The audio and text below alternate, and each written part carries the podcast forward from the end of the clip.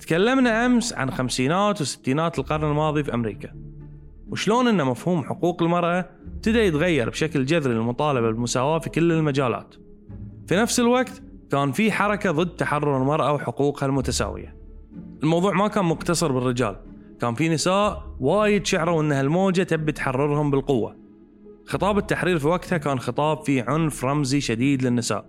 اللي المفروض إنهم جايين يحررونهم. خطاب يوصف المرأة بأن وضعها وضع تحت استغلال وامتهان وعبودية.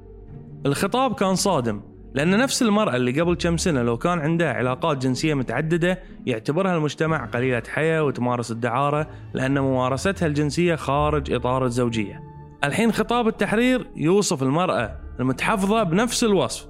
فالمرأة المتحفظة قاموا يعتبرونها مومس لأنها تقبل أن يكون دورها رعاية بيتها وإنجاب الأطفال والأمومة مقابل أن يتكفل الريال بالدخل. بالتالي بالنسبة لهم كانت المرأة المحافظة مومس تمارس الجنس مقابل المال. طبعا غير التهم التخلف والرجعية وغيرها.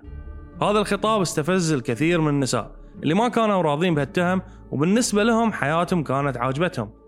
في فترتها انتشرت عبارة I like the way I am. بمعنى تعجبني حياتي مثل ما هي. وكان من مرتكزات خطاب النساء المحافظات إن المرأة الأمريكية عندها وايد مميزات راح تنحرم منها إذا مشوا ورا موجة التحرير.